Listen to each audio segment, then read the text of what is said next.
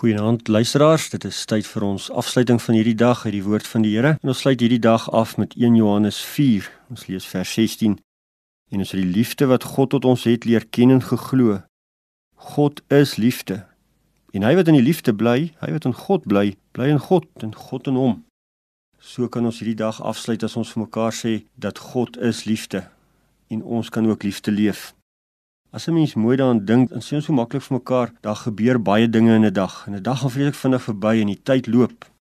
Ons kon maandag aan vir mekaar gesê het dat aan die einde van so 'n dag is nie van selfsprekend dat jy deur die dag gekom het nie. Dinsdag aand kon ons 'n bietjie oor die dood praat en die nadink oor lewe en dood. En vanaand sluit ons hierdie dag af deur te sê, "Maar God is liefde."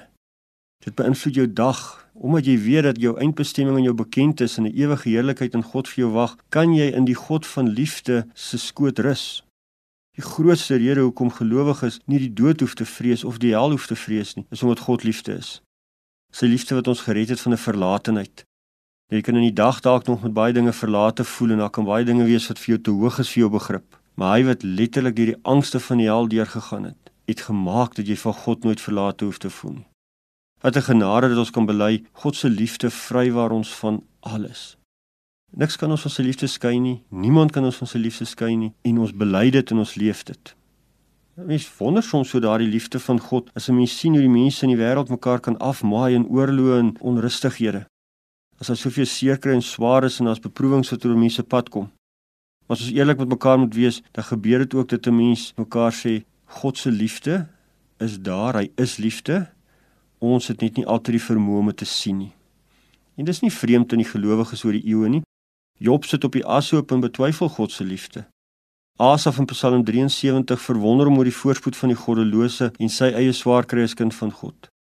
Jeremia vra vrae oor sy volk en ballingskap. Maar God leer die woord aan ons is liefde.